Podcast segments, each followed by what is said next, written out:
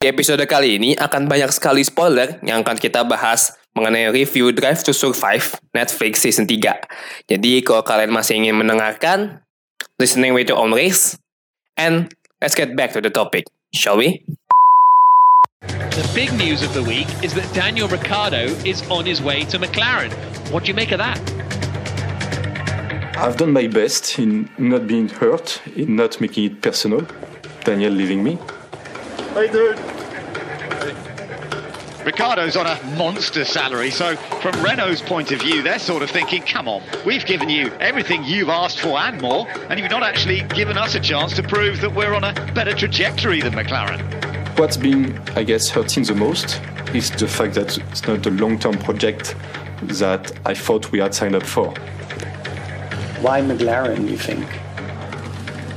Ask him. Ask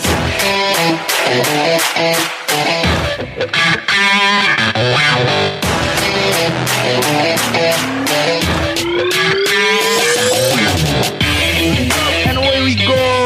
Balik lagi guys ke One Evan Podcast barengan sama host kalian ada gue Andra dan malam ini gue ditemenin sama Fadil sama Nuha. Hai guys. Hai. Gimana gimana weekend nggak ada race. Ya, Tapi ini ya. Eh, kalau kita nyebut kalau kita sedikit menyentuh race ada ini tadi Fadil gue lihat nonton Extreme E ya.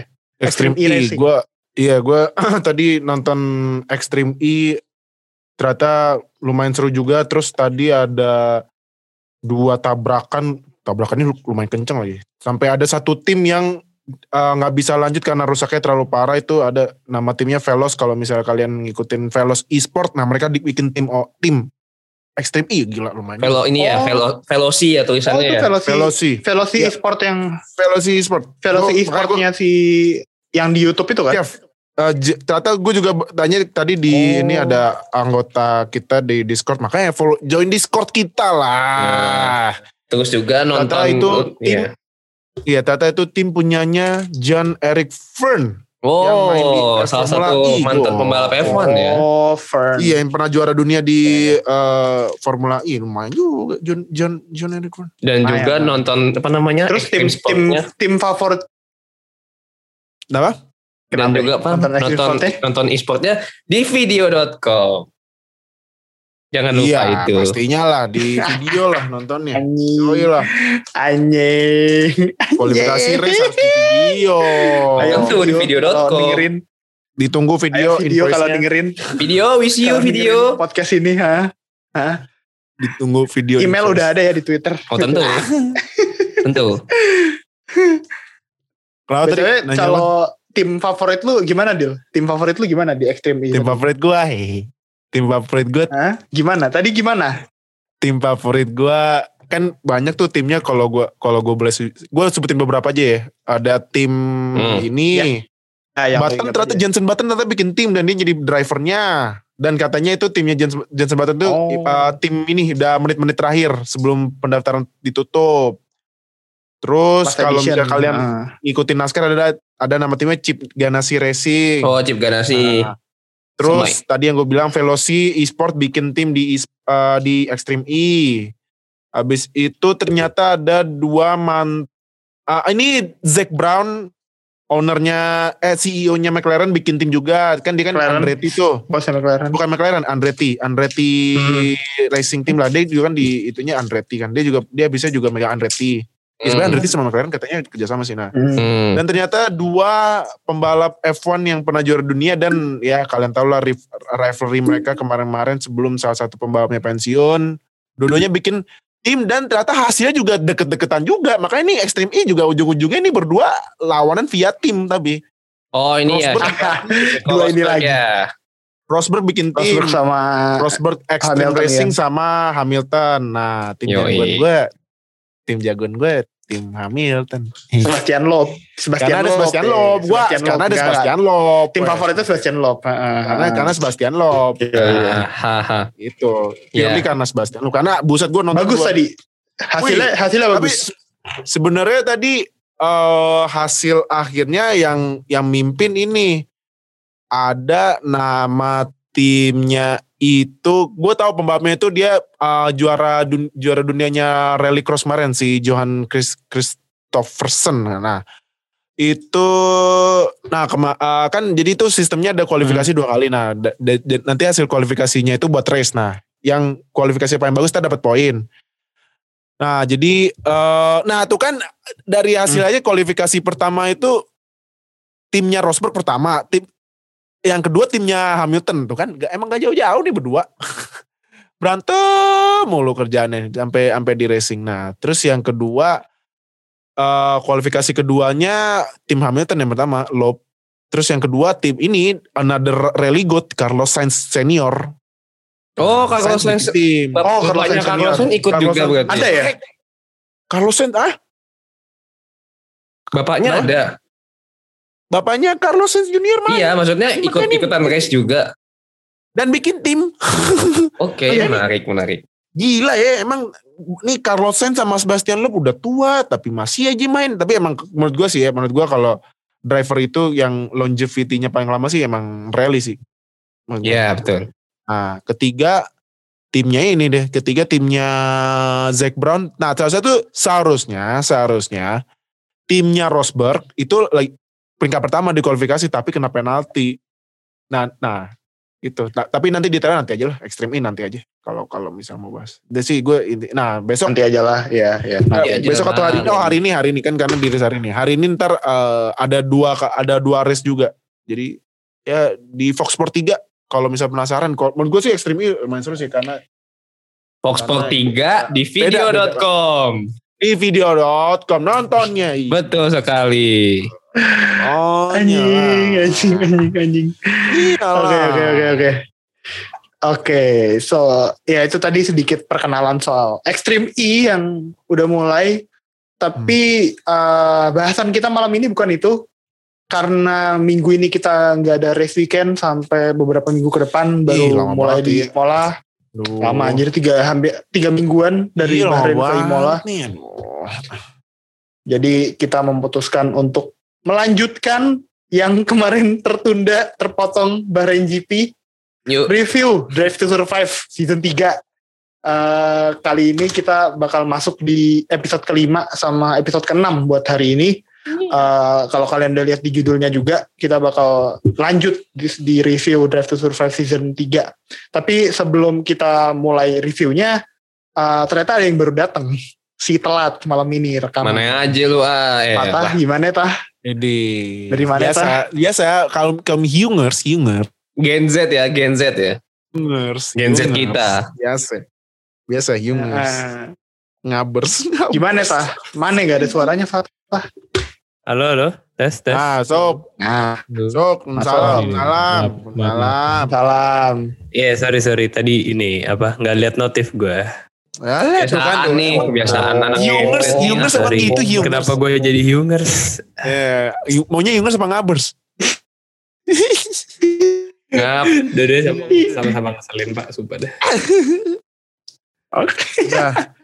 Oke oke. Eh, karena kita bakal masuk ke area spoiler, jadi spoiler alert buat yang belum nonton eh, Drive to Survive season 3 ih, udah berapa minggu anjir nonton lah nonton nonton Eh, semua episode udah ada di Netflix 1 sampai 10 jadi nonton Bet- dan Ah. kalau kalian belum nonton eh, stop dulu sampai sini Eh, kita bakal masuk ke area spoiler di waktu di nextnya Nah, FYI ini dari kita salah satu ada yang belum nonton. Aduh, aduh.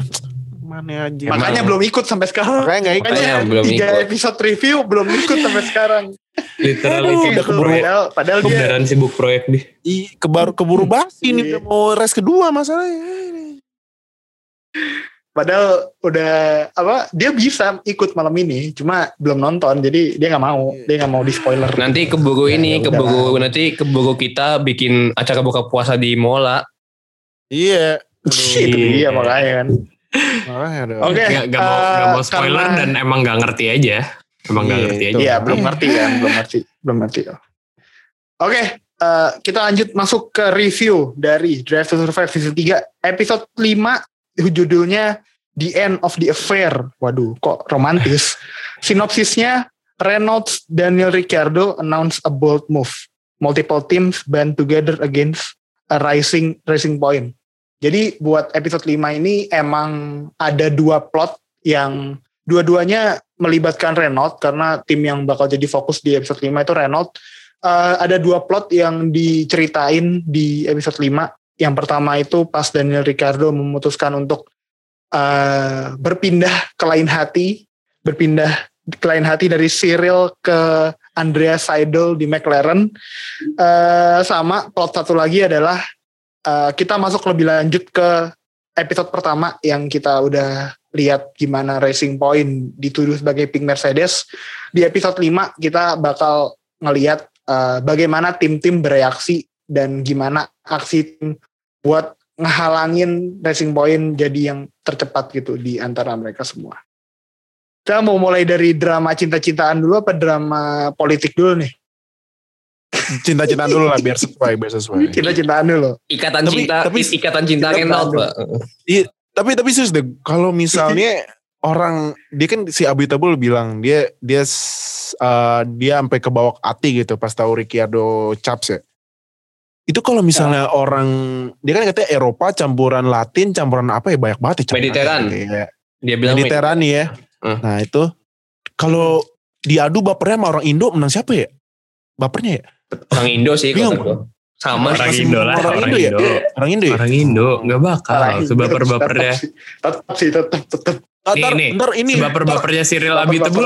Nih, sebaper-bapernya Cyril Abitebul emang bakal bawa ke Lambe Turah kan kagak. Ah, Emang dia ngepost IG story. juga lu. Kagak. Bener juga lu Yung. Yung. Tapi iya, Emang dibawa Iya dibawa ke tubir fest kan guys? Iya kan nggak bakal. Ntar kalau misalnya misalnya kema, apa misalnya habitable orang Indonesia nanti baper langsung di ini di dicepuin via TikTok nah. Nanti nanti ini nanti disepil di Tubir Fest di Twitter. Nah, aduh. Nah itu itu dia makanya tebir tebir. Aduh. Tubir Eh, terus, si- tubir terus. Si Cyril nih bereaksi ke berita Ricciardo pindah ke McLaren di awal musim dan dia kayak sakit hati banget gitu kan kayak eh, awalnya saya kita kira apa yang kita bangun ini bakal jangka panjang. Ya ki- kita kira bakal ada komitmen lebih lanjut gitu dari sekedar cuma dua musim. Tapi dalam hati walaupun saya ingin yang sukses buat Ricciardo tapi dalam hati saya sakit hati.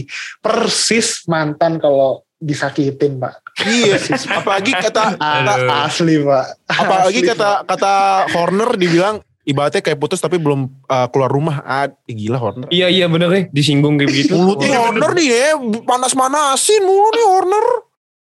Kurang aja mulutnya. gue gue mau ngubah title-nya Horner jadi Lambe DTS anjing fix Iya, lam, iya tau. Horner lambe DTS anjir. Lambe F1 pak, lambe F1. Lambe F, iya tau Yang lambe cepuin, F1 yang tau. cepuin ya. DTS, iya. cepu-cepu. Insider. Terus ada apa lagi nih dari dramanya Renault sama Cyril nih kemarin? Dram, ya ini katanya, katanya, ya kata Cyril ya udah lah moving on, tapi tapi kata tetap saya masih, oh iya katanya, ka- eh, kalau nggak salah, eh tapi bener sih, ini bukan nggak salah sih, ini beneran. Eh, tapi nggak tahu Hmm. kayak antara Netflix ngeditnya jadi kayak drama gitu apa enggak. Itu pas Hmm. Cyril tahu beritanya Ricciardo pindah, abis itu mau rest di Austria ya. Iya Austria. Cyril cuman saya hi doang bisa langsung masuk lah anjir. Ricciardo langsung oke. Anjir kan kayak bete-bete anjir. Langsung bete banget lagi. Iya anjir udah kayak buset dah Cyril Cyril. Tapi sayangnya Cyril sekarang udah gak ada Tapi di itu Alpine. over. Iya makanya. Iya, banget. apa yang pas janjian pakai tato sampai off season kelar sampai dia cabut dari Renault kita belum lihat tuh tatonya Cyril kayak apa anjir. Iya. Oh iya. Beb. Belum Ini kali tatonya- belum ada ya? Patah hati kali, hati retek kali. kan ini kan sempat dikasih buku ini kan yang di episode itu kan dikasih buku buku pilihan tato gitu kan sama Ricciardo kan buat Cyril. Iya. Iya. Makanya itu belum belum dipilih itu makanya isi isinya bakal kayak apa belum tahu. Aduh, tapi kalau buat yang drama cinta-cintaan ya apa lebih ke serialnya yang sakit hati, Ricciardo-nya yang pengen improve lebih lanjut. Plot kedua yang menurut gue lebih intriguing di episode kelima, kelima ini, eh Lawrence Stroll yang marah-marah di video. Wah, Oh iya, ini Bener sih. Mbak. Tapi Gimana ya? tapi apa ya? Episode 5 tuh nunjukin banget kayak sisi politiknya F1 lah. Betul, betul, betul. Gue setuju. Itu kayak nunjukin banget nih behind the scenes-nya F1, behind the scenes-nya si Lawrence Stroll di apa? bikin video itu Hmm. gitu-gitu dan menurut gue ya itu itu yang gue expect dari DTS lah at least kayak ngelihat eh si apa Racing Point kayak dalam tanda kutip dipojokin gitu terus Mercedes berusaha ngebelain kayak apa kayak gara-gara satu tongkrongan jadinya ngebelain gitu. Terus ya menurut gue itu keren keren banget sih dan itu spesialnya di TS nggak cuma nunjukin kayak kehidupan driver secara personal aja tapi juga nunjukin nih apa sesuatu yang biasanya kita cuma lihat ya dari artikel-artikel doang gitu loh dan gak bisa langsung eh, apa nggak bisa langsung clarify lah. Tapi kalau dan dengan dengan BTS ini jadi kayak dapat insider story aja gitu yang bisa bisa kita lihat langsung Iya bisa kan politik F1 udah lama sejak kok saya nggak tahu tapi lamanya kan gue juga nggak paham kapan ya teman gue udah melihat politik F1 sejak ini pas gue nonton apa filmnya Sena apa seri sih dulu yang itulah yang katanya Ren Alain Prost katanya ada ya. ada ada kong kali kong sama bosnya saat itu karena sama Prancis nah jadi emang F1 politiknya kenceng tapi tapi ya gue nggak tahu Tapi nih. itu yang pas gue lihat ah ya, pas gue lihat kenapa? si tim-tim yang berko- berkoalisi sama Renault tuh kan Mercedes sama sama Racing Point lah ya karena kan consumer sama produsen mesin kan ya. Ya, Tapi betul. Williams ikut di timnya Renault anjir. makanya eh tapi eh tapi ini tapi gue berita iya cuman gue baca Eh. berita lagi kan ya ini nih kebiasaan Netflix gitu dia gak menjelaskan lebih lanjut ternyata gue baca lagi Williams tiba-tiba tengah jalan gak ikutan abstain ya. Gua baca berita. Oh iya iya. iya Abstain. narik Iya. nah Tapi nggak dukung nggak dukung Racing Point juga kan? Maksudnya iya gak dukung dia cuman nggak nggak nggak nggak ada di stand apa pun kan?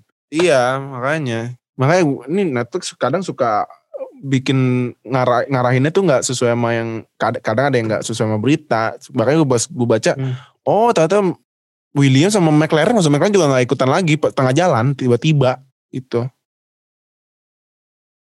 Karena mungkin Mungkin takut ini kali ya, apa takut takut eh kalau McLaren mungkin karena calon calon konsumennya Mercedes juga kan. Iya. maksudnya kan dia eh, musim depannya bakal ganti kan. Takutnya dia bakal ya nggak enak lah hubungannya gitu sama Toto Wolff. Karena ngelihat eh Toto Wolff tuh bener-bener ngedukung si Otmar sih pas di episode ini kan. Eh Yo, betul. ngeliatin banget kalau hubungannya Mercedes sama Racing Point tuh ya emang dekat gitu. Kuat. Hmm. iya. Ya, Masalah nih gimana ya Racing maksudnya? Point iya. Maksudnya Racing Point sama Racing- McLaren Racing, Racing Point sama Mercedes ya yang satu Toto Wolff ibaratnya jadi Darth Vader-nya yang satu lagi Lawrence Stroll yang punya duit. Hmm, udahlah terus Ya iya sih eh, si si siapa Otmar sama Lawrence Stroll nih menurut gue lebih cocok justru perbandingannya Otmar sama Lawrence justru. Gara-gara eh, yang apa face of the yang lebih sering ngomong gitu kan lebih ke si Otmar kan jadi kayak Darth Vader kan sedangkan kalau si Lawrence Stroll kan lebih behind the scene jadi kayak siapa Emperor Palpatine gitu ah iya betul Iya, iya, iya. Tapi ya, ya itulah Lawrence ngeri. Tapi eh, kalau ngelihat si responnya tim-tim ini ketika akhirnya kan hu- hukuman dijatuhin kan Racing Point kan. Eh, mereka 15 tetap poin. nggak setuju ya karena Racing Point karena Racing Point tetap boleh pakai brake ducknya sampai musim musim selesai kan. Nah itu baru Iya. diliatin lagi. Tetap aja nggak nggak suka gitu kan sama Iya. hukumannya. si Cyril maunya mobilnya di ban Iya, Iya iya. kekeh banget Nah, ya. Kalau nggak ya minimal bukan di band sih kayaknya. Minimal brake ducknya disuruh ganti aja nggak sih? Iya. Nggak usah dipakai. Kan kata Hmm. dia rada nggak adil aja kalau cuman nga- ngerubah. Lu pakai sesuatu yang terbukti dilarang tapi dibolehin sampai akhir tahun gitu kan. Kan eh, argumennya Cyril di di situ kan kayak gitu kan. Kayak rada aneh. Hmm. di kemarin itu. Ada lagi yang mau lu tambahin? Kemarin ada poin-poin apa aja sih? Gua gua rada udah rada skip Oh, nggak nonton. Itu eh ya apa deal? apa sih pas Pas Ricardo dapat podium. Rick bukan. Eh, emang Ricardo podium di itu? Eh, di episode itu bukan? di DTS Lupa, udah lama soalnya. Bukan, Dapet, belum, dapet, belum dapet, Pak. itu, masih masih di masih Episode, Intaran tapi bu- bukan episode itu ya? Iya, masih episode itu bukan sih, gue lupa. Masih Intaran, masih Intaran. episode itu pak kan Masih yang beneran. pas Emang iya? Bukan, Eh, dong, bukan bentar. Intaran. Oh bukan entaran entaran sorry sorry. Entaran Intaran. Nih, nih, ntar. soalnya di sini tuh ngikutinnya di ngikutinnya di Inggris di sini tuh. British British GP Oh, ini eh Oh, paling ya Renault. Oh, ini eh ya hasil Renault abis ngekomplain Racing Point tiba-tiba Renaultnya bagus. Renaultnya ngalahin Racing Point terus juga yang pas scene yang di di Silverstone yang ban depan kirinya Bottas sama Sainz meledak jadinya Ricciardo sama Ocon finish P4 sama P6 respectively Iya betul. hmm. jadi lumayan Tapi buat episode 5 nih bener-bener ngeliatin semuanya jelas lah ya. Maksudnya ada sesuatu yang di over dramatisir kayaknya enggak sih ya. Enggak, kalau menurut Kayaknya gua, paling enggak yang enggak dari enggak, enggak. menurut gua sesuai porsinya sih. Itu gimana loh? Kalau menurut Hmm, gua enggak, drama yang terjadi antara yang pertama plot pertama ya, apa Daniel Ricardo sama Shira Hmm. Abitable menurut gue memang udah pas sih. Dan itu udah mendeskripsikan bagaimana patah hatinya Shira. Gue paham sih kenapa Shira bisa patah hati gitu loh.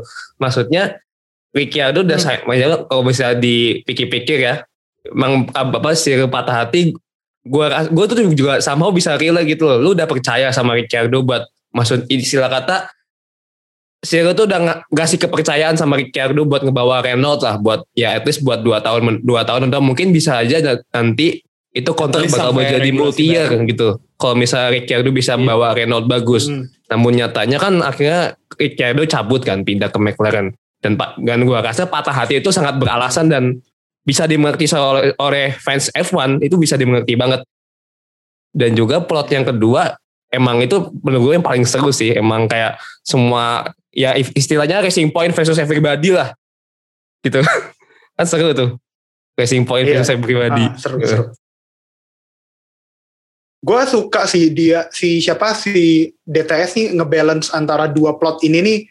Jadinya kan emang lah si- maksudnya Cyril sama Ricciardo Ric- apa mungkin eh, hubungannya nggak begitu bagus pas awal episode ini tapi gue suka ketika mereka akhirnya transisi ke plotnya yang Racing Point sama Renault karena emang cerita itu lebih besar sih selama musim kemarin daripada sekedar Ren apa Ricciardo pindah ke McLaren. benar benar Jadi benar benar pas porsinya porsinya Renault Racing Point itu dibikin lebih banyak daripada dramanya Abitable sama Ricciardo, eh gue rasa itu move yang pas dilakuin sama Netflix gitu sih. betul sekali Jadi nggak lebih banyak. Yoi, eh itu dari episode kelima. Di segmen 2 kita bakal lanjut ke episode yang paling mengharukan, paling inspiring, dan salah satu episode terbaik di to Survive season 3.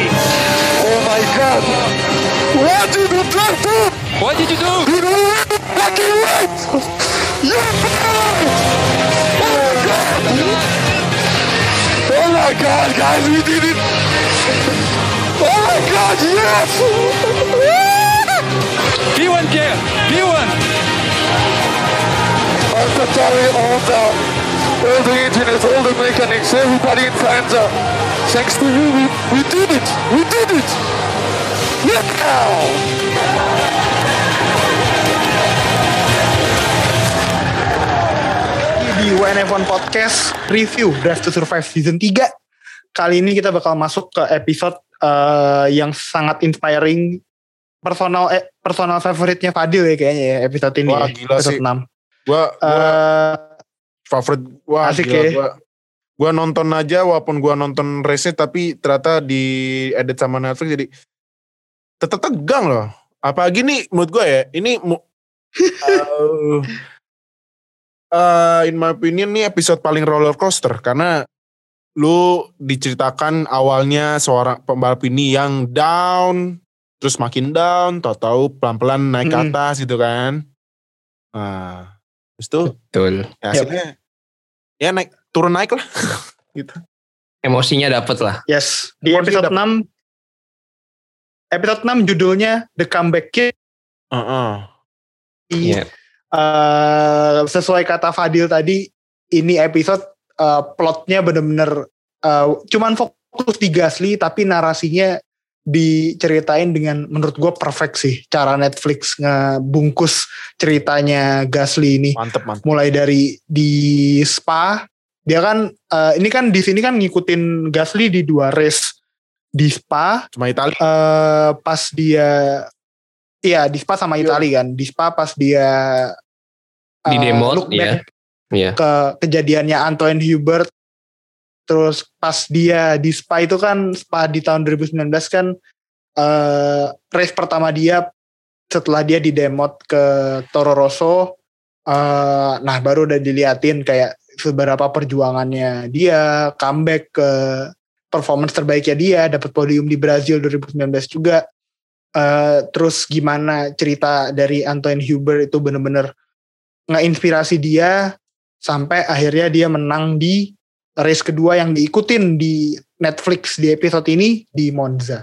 Nah dan tapi itu benar-benar diliatin apa yang di apa yang dirasain Gasly selama dia nyetir di Monza. Itu makanya itu episode ini keren banget. Gimana Dit? nah tapi jangan lupa ini juga episodenya karena di Spa itu dia tahun lalu di pas 2019 di demote dari Red Bull ke Alfa Tauri nah langsung dibandingkan sama pembalap yang gantiin dia Albon Alex Albon. Albon. Nah, terus di oh cuman gue yang gue yang sangat gimana ya yang ibaratnya ini lumayan emosional ini ya yang pas eh, ini ya Gasly kehilangan sahabatnya ya si Antonio Sahabat kecil. Gue gue nonton race-nya aduh gila. Cakannya kacau banget sih. Jadi memang ya motorsport itu taruhannya wah. Gue aja kalau sorry kalau gue agak relate yang agak gak nyambung cuman ini hubungannya sama kecelakaan ya. Tadi aja gue nonton pas Extreme E Racing tadi itu kan kecelakaannya kacau banget sampai muter-muter wah gue aja sampai anjir tuh pembalap. Apalagi yang bawa eh, ya sebenarnya nggak ini sih gue nggak gue nggak gue nggak eh, menge- ini ya meremehkan gender ya karena gue emang penganut gender equality. Ya, yang yang bawa kan cewek. Buset gue aja ngeri nih nih pembalapnya gak apa-apa apa gimana? Bisa muternya tuh ber, parah banget emang muter-muter berkali-kali. Jadi emang ibaratnya gini loh, lu bawa mobil. Lu bawa mobil kenceng itu ibaratnya lu kayak udah terbang. Nah Iya, Hubert itu kemarin ke, Hubert itu kecelakannya apalagi kecelakaan di eh aduh baca gimana Air Rouge, Air Rouge, Air, ya ya. Nah Air Rouge. Auruch Auruch Auruch itu itu lu tikungan naik gitu flat out, gak ada rem, gak ada apa-apa. Lu kalau rem sekali aja belakang lu kena. Ini lu Iya, harus gas, flat out, flat out gas. Nah masalahnya dia kan kemarin nggak apa sempat ah, ini kan side by side kan. Nah, ya lu udah berasa kayak terbang gitu, belok dikit aja. Berapa derajat aja udah. Wah mobil lu bisa hilang ini balance jadi ya rest in peace buat Antoine Hubert. Jadi Yep. ya bagus lah buat penyelamat eh penyelamat penyemangat Gasly buat tetap balapan semangat yoi memberi eh, hasil yang positif ya. Ya. Semangat Gasly, semangat. Pasti bisa. Ya. makanya makanya, makanya gue kalau gue pengen banget lihat Gasly kalaupun keluar dari Red Bull system at least ke gue sih ya gue gue agak dikit Feeling gue gue keren pengennya Gasly ke McLaren dah jangan ke Alpine walaupun Hmm. sama Prancis ya McLaren gue pengennya kan Ricciardo paling ya kontraknya berapa lah ya McLaren harus Eh, menurut gue ini melenceng dikit dari di atas nih. Menurut gue Lando sama Ricciardo is for the long term sih kayaknya. Em, terus menurut gue Alpine juga ya ada sekarang kan dia ada Piastri. Tapi Ocon kan dipegang Mercedes. Alonso juga mau berapa tahun lagi sih di F1. Jadi menurut gue ya paling bener sih Gasly menurut gue ya Alpine sih. Iya, Alpine Guang Yucho lah masukin baik. Guang Yucho udah lumayan. Tapi itulah Gasly gue. Oh gua, iya lagi masih ada Guan Yucho. Iya, gue gua tetap gue mendukung Gasly lah biar lebih bagus. Apalagi kemarin menurut gue tuh 2020 ya. Menurut gue Gasly ya walaupun ujung-ujungnya Albon peringkatnya lebih bagus tapi kalau disuruh pilih performanya lebih bagus mana, gue lebih prefer Gasly. Karena dia bisa mengeluarkan potensi mobil Alfa Tauri yang masih midfield. Lah, Albon yang mobil aja udah top 2, hasilnya Masya Allah. Dibawa ke midfield. Bawa ke midfield. Kalau Nah, Albon itu. mobilnya top tuh dibawa ke midfield. Nah itu. Iya, kalau Gasly mobilnya midfield dibawa ke top, ke- di, di bawah juara. Iya bawa juara. Aduh, Iya, makanya dibawa menang. Albon, Albon. Itulah. Berarti sekarang Albon ini ya jualan Tahiti ya. Eh, tapi Iya. Jualan kerating neng. Jualan Tahiti, Pak. Kerating neng juga kerating. Oh iya betul. Sama ini. Oh ada Si- sini juga yang pas. itu ada meme-nya gak sih? Ada scene yang jadi meme Yang mana? Di Gasly tuh. Gue lupa dah.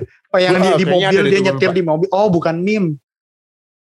Eh pokoknya si Oh Gasly itu mengeluhkan cara gas caranya Red Bull, caranya Horner Iya iya Eh, iya betul betul. membicarakan rumor yang beredar di media Oh, iya, soal iya, iya, siapa driver kedua di tahun 2021 kan. Iya. Itu Gasly Gasly tuh kayak nggak suka sama caranya Horner nge nge-address isu itu gitu loh. Iya itu kan dia. Horner, Iya Horner tuh lambe NF1 mau gimana dong?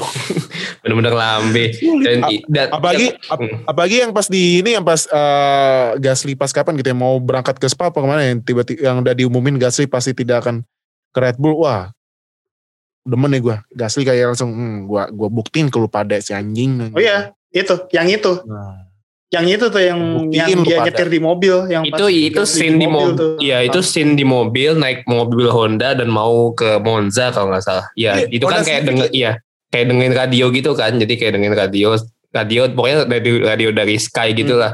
Si Horner tuh lagi nge-address tentang berita tentang kondisi driver keduanya di Red Bull. Dan kalau nggak salah dia seingat gue ya Gasly itu ngomong ya fucking joke lah gitu. Gasly pun tahu gitu itu tuh bohong sebenarnya.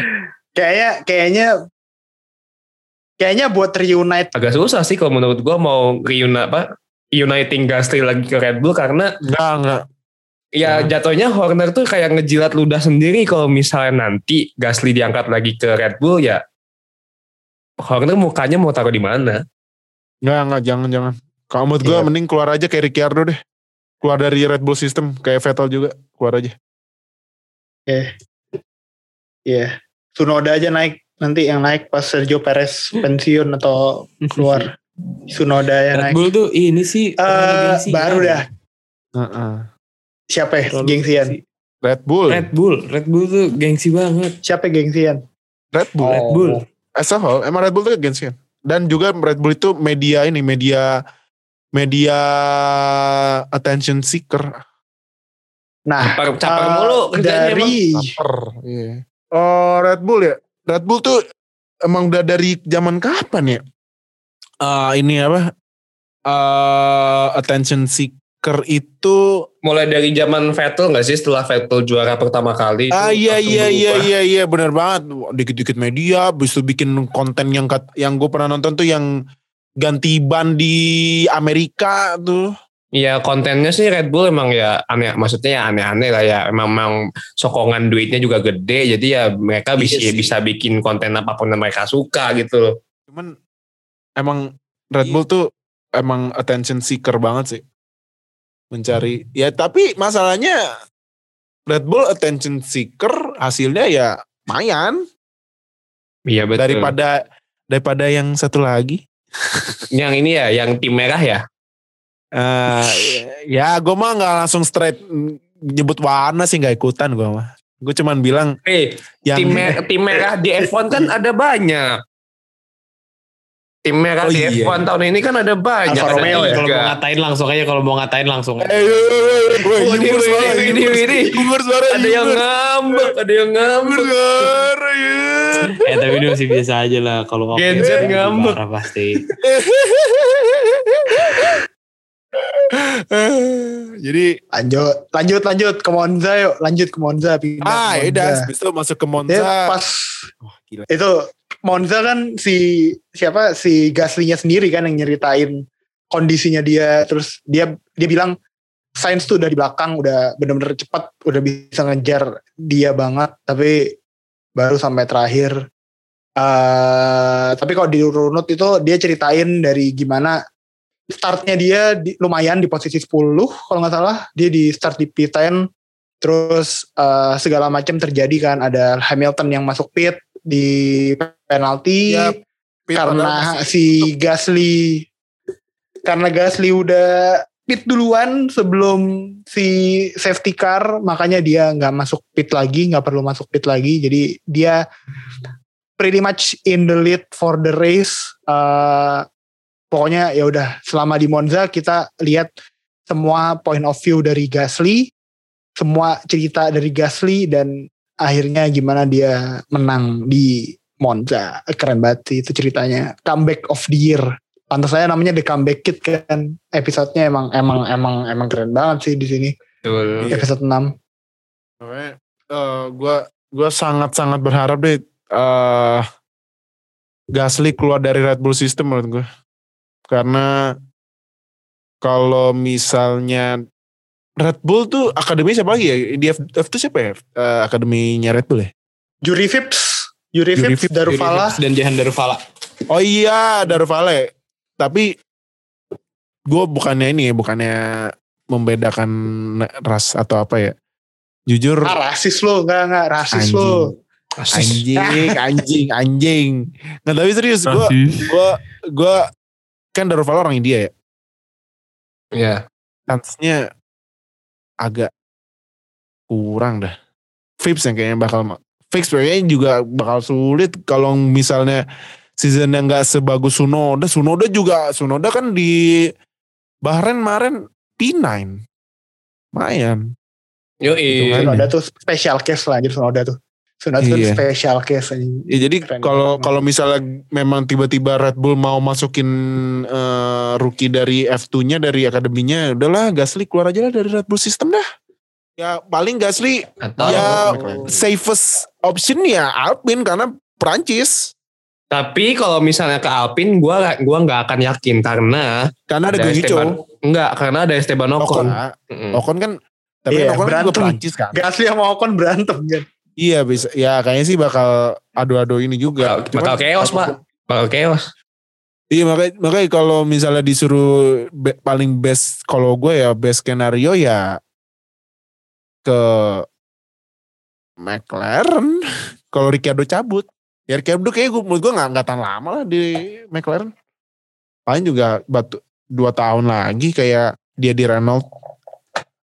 Atau Mercedes. Gue nggak masalah gue nggak masalah sih Gasly gue nggak masalah Gasly ke ketemu Ocon maksudnya kalau ada teammate yang musuhan gitu biasanya battlenya antar teammate bakal lebih bagus sih di Tapi di- nanti di- ya nggak masalah gue Gasly sama Ocon ya tapi nanti masalahnya the whole vibe in the team tuh jadi nggak sehat pak. iya, Iya, iya kayak sih itu ini. sih paling Kayak pas Alonso di McLaren 2018. Iya sama Hamilton. Hamilton sama 2018, Rosberg kayak Hamilton sama Rosberg juga gitu kan juga sih sama. Iya Eh, Rosberg. 2007, sorry. Eh, dari episode 6 ada lagi nggak yang mau ditambahin buat ke masterpiece-annya Episode 6. Netflix membungkus gas gas membungkus cerita Gasly ini. eh ya dari Netflix bisa membuktikan ya mungkin ini kali ya kalau pemba buat penonton-penonton baru DTS kayaknya bakal lumayan baik yang ngidolain Gasly sih menurut gua karena diceritain dari Iya. down ke up-nya gitu kan. Ya walaupun kemarin di Bahrain dia benar, sayap depannya benar. copot, cuman ya kan baru satu GP jadi semoga aja Gasly musim ini sesuai sama di the comeback kit walaupun nggak menang juga at least poin lah atau ya ada rivalry Iya. sama Sunoda gitu. Bisa menurut gue Sunoda sama Gasly nih Iya. kayak gak bisa barengan sih karena Sunoda orangnya ternyata suka ngomong kasar. Demen gue sama Sunoda nih. Sama Gasly yang. Gasly itu Gasly itu ya. ibaratnya Gasly itu ibaratnya kalau mau kritik juga dia eh, cari-cari uh, apa momen yang aman gitu buat ngekritik. Betulnya kalau kalian mau ngelihat cerita Gasly lebih lanjut ya maksudnya nggak cuma dari Netflix DTS yang episode 6 ini doang. Gasly sempat nulis artikel cerita lumayan panjang di web Players Tribune. Jadi thePlayersTribune.com langsung aja cari eh, artikelnya Pierre Gasly di situ dia nyeritain banyak soal eh, persahabatan dia sama Hubert, soal gimana dia di demot ke Toro Rosso dan Hubert yang selalu nyemangatin dia terus sampai dia nanti menang di Monza eh siapa yang orang-orang yang nyemangatin dia itu kayak lebih versi lebih versi director's cut Netflix episode 6 kalau kata gue. Kayak director's cut eh, DTS eh, episode 6 gitu. Kalau di Justice League kan director's cut-nya kan Zack Snyder. Kalau ini director's cut-nya Pierre Gasly gitu. Jadi Oh, kalau iya. kalian baca ceritanya ceritanya ada di uh, theplayerstribune.com itu Betul. lumayan lah ngelengkapin uh, banyak hal soal dari po- point of view-nya Gasly gitu. Oke, guys, quick rate yuk dari episode 5 sampai episode 6. 5 dari Dari 5 Fatah. bintangnya. Dah. Padil. Dari lima bintang. Itu episode 6. eh, episode eh episode Episode- enam. Enggak, 5 6 gue Fadil pasang dulu deh, 5. Fadil dulu deh. Episode 5 gue pasang 5 karena menceritakan eh, politik F1 dan ternyata memang cara mainnya gimana di balik eh, layar F1. Episode 6 6 dari 5. 6 bintang dari 5. Best DTS episode ever. 6 bintang dari 5. Nice. Iya. Nice, nice, nice. Lu, lu tah? Em, kalau gue jujur gue lebih suka episode hmm, eh sorry episode 5 sih daripada episode 6 tapi dua-duanya bagus menurut gue Hmm. dari semua episode DTS itu yang lebih lebih jujur mungkin. Gak terlalu banyak dilebay-lebayin sama Netflixnya juga. Eh kalau Hmm. ini kalau apa? Episode 5 gue kasih 5 bintang. Itu episode terbaik sih menurut gue Nice. gue suka banget episode 5 tuh Nice. dapat gitu loh semua aspeknya kayak dari si apa ternyata kalau driver pindah tim nggak nggak semulus itu ternyata bisa ternyata tim prinsipal bisa baper juga terus politik politik politik antara Racing Point sama eh Racing Point dengan semua tim di Grid F1 jadi ya menurut gue itu sih episode 5 5 bintang Wih. Noh, Kalau gue episode 5 gue kasih ya sama gue bakal kasih 5 juga. Karena memang yang ditunjukkan sini kan politiknya ya. Dan gue gue suka politik F1 karena memang ini yang tidak ditunjukkan sama media dan nggak ditunjukin sama fans ketika kita nonton F1 dan gue paling suka part Hmm. ketika Lawrence Stroll, Lawrence Stroll marah-marah. Itu emang part terbaik sih kalau menurut gue karena memang Lawrence Stroll memang menakutkan itu ternyata ya. Ngeri, Pak.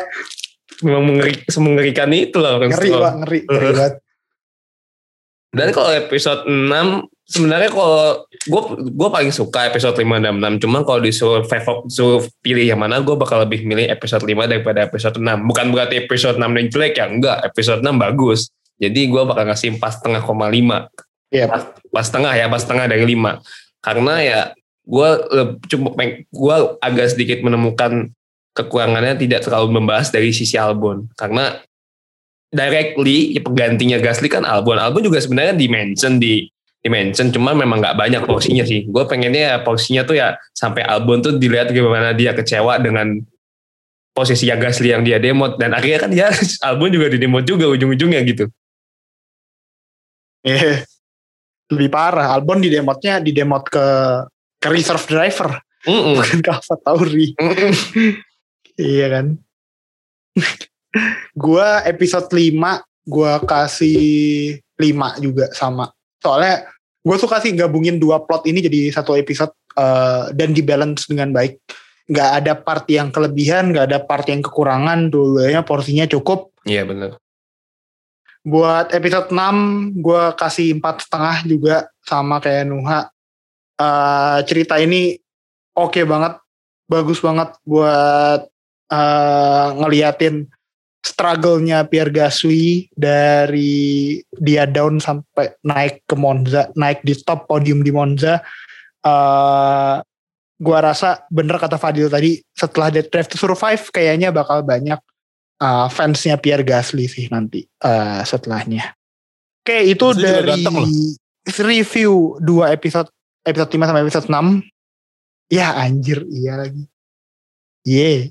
Ye. Ye. Ya deal, ya deal, ya deal, nggak apa-apa deal. Oke deal, siap deal. Iya deal, iya deal.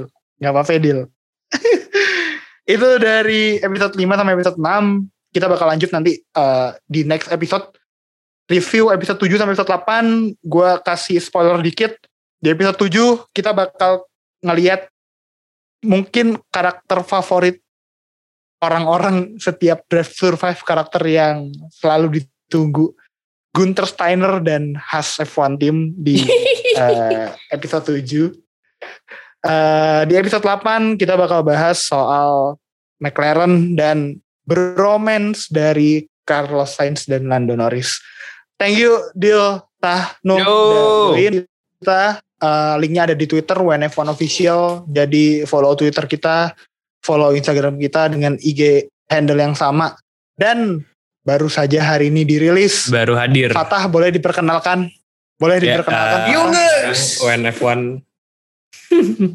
Jalan. Eh, WNF1 ak- mulai ekspansi ke TikTok. Eh, kayaknya kalau di TikTok bakal banyakan lebih ngepost meme. Mungkin kita bakal sekali-sekali ngepost. eh, kita Meme. bakal Yoi. ya iya meme kan tadi gue udah bilang ya meme. gue bakal ngepost cuplikan-cuplikan juga dari eh, race ataupun dari eh, nanti podcast kita. Bakal kita post juga di sana. Gak full, cuman cuplikannya aja. Oke, Yang jadi- full di Spotify. apa namanya? Sama WNF1 official, sama kayak nama Nah, nam- sama kayak nama IG dan Twitter. Yo, TikTok. That's it buat review dari uh, Survive Season 3. Nantikan review dari Survive Season 3 di episode-episode selanjutnya dari WNF1 Podcast. See you guys in our next episode. Bye guys. Bye guys.